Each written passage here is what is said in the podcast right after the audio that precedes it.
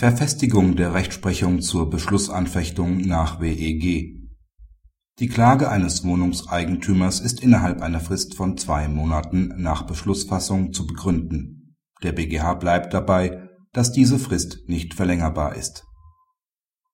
Im Rahmen eines Beschlussanfechtungsverfahrens begehrt der Kläger die Verlängerung der Klagebegründungsfrist, was ihm gewährt wird. Später weist das Amtsgericht die Klage wegen Fristversäumung ab der BgH bleibt bei seiner Auffassung, dass die Klagebegründungsfrist des § 46 Absatz 1 Satz 2 WEG eine nicht verlängerbare materielle Ausschlussfrist ist. Das Gesetz sieht deren Verlängerbarkeit nicht vor. Der Kläger muss daher zumindest innerhalb der Frist den wesentlichen Kern seiner Begründung für die Beschlussanfechtung vortragen. Nur dadurch wird die mit der Regelung bezweckte Sicherheit und Klarheit für die anderen Wohnungseigentümer und den Verwalter geschaffen, welche Beschlussgegenstände Bestand haben sollen.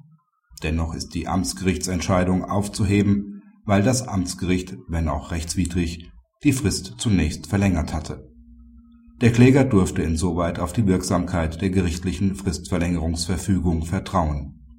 Praxishinweis Für die rechtsanwaltliche Praxis dürfte nunmehr endgültig Klarheit bestehen dass die Frist des § 46 Absatz 1 Satz 2 WEG nicht verlängerbar ist.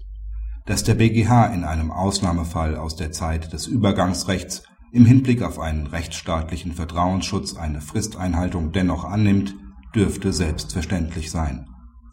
Zudem führt der Senat in seiner weiteren Begründung aus, dass zwischen Anfechtungs und Nichtigkeitsklage nicht mehr unterschieden werden muss wenn eine der Fristen des § 46 Absatz 1 BEG versäumt worden ist. Die Klage kann nur im Fall der Nichtigkeit des Beschlusses begründet sein, was von Amts wegen zu prüfen ist. Da beide Klagearten auf das gleiche Ziel, nämlich die Aufhebung des Beschlusses gerichtet sind, ist auch ein identischer Streitgegenstand gegeben. Dieser Gesichtspunkt liegt auch der Bestimmung des § 48 Absatz 4 BEG zugrunde der bei Abweisung einer Anfechtungsklage auch den Einwand der Nichtigkeit des Beschlusses beseitigt